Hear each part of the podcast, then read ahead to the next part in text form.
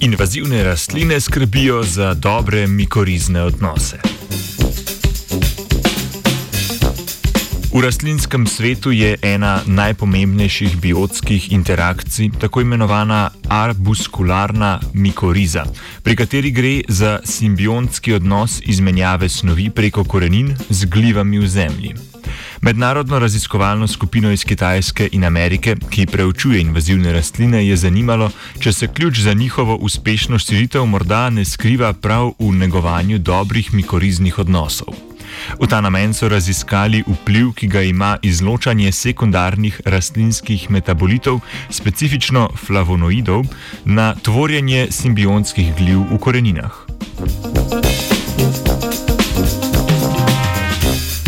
Raziskovalci so za modelni rastlinski organizem vzeli drevo vrste kitajski lojevec, ki je bil sredi 18. stoletja prenesen v Združene države Amerike.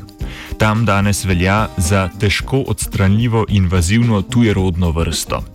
Invazivne tujerodne vrste so škodljive, ker rastejo in se množijo hitreje od lokalne vegetacije in jo na ta način izrinjajo, s tem pa se zmanjšuje biotska pestrost ekosistema.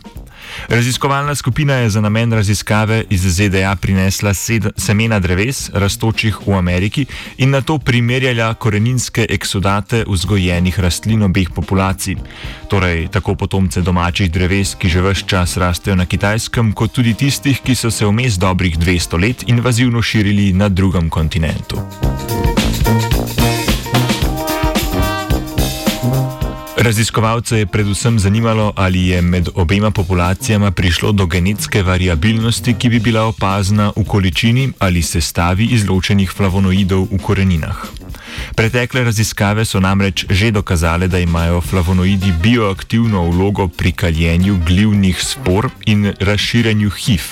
Vendar pa takšna primerjava še ni bila opravljena na invazivnih rastlinskih vrstah.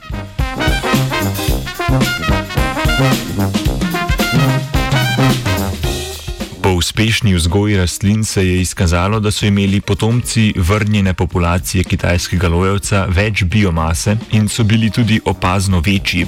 Prav tako so imeli v svojih koreninah večji razrast simbionskih gliv. Raziskovalci so na to korenine posušili in z metodo tekočinske kromatografije visoke lečljivosti preverili vsebnost flavonoidov.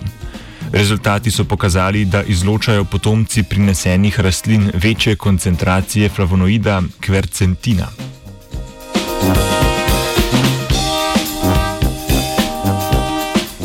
Vse kaže, da so invazivne rastline uspešnejše pri vzpostavljanju simbionskih odnosov v njim tujih okoljih, čeprav jim dolgoročno predvidoma škodujejo.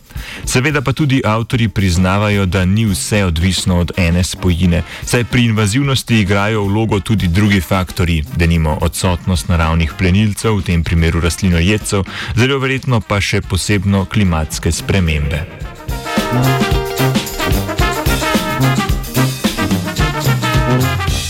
O invazivkah je po dolgem času spet pisala Teja.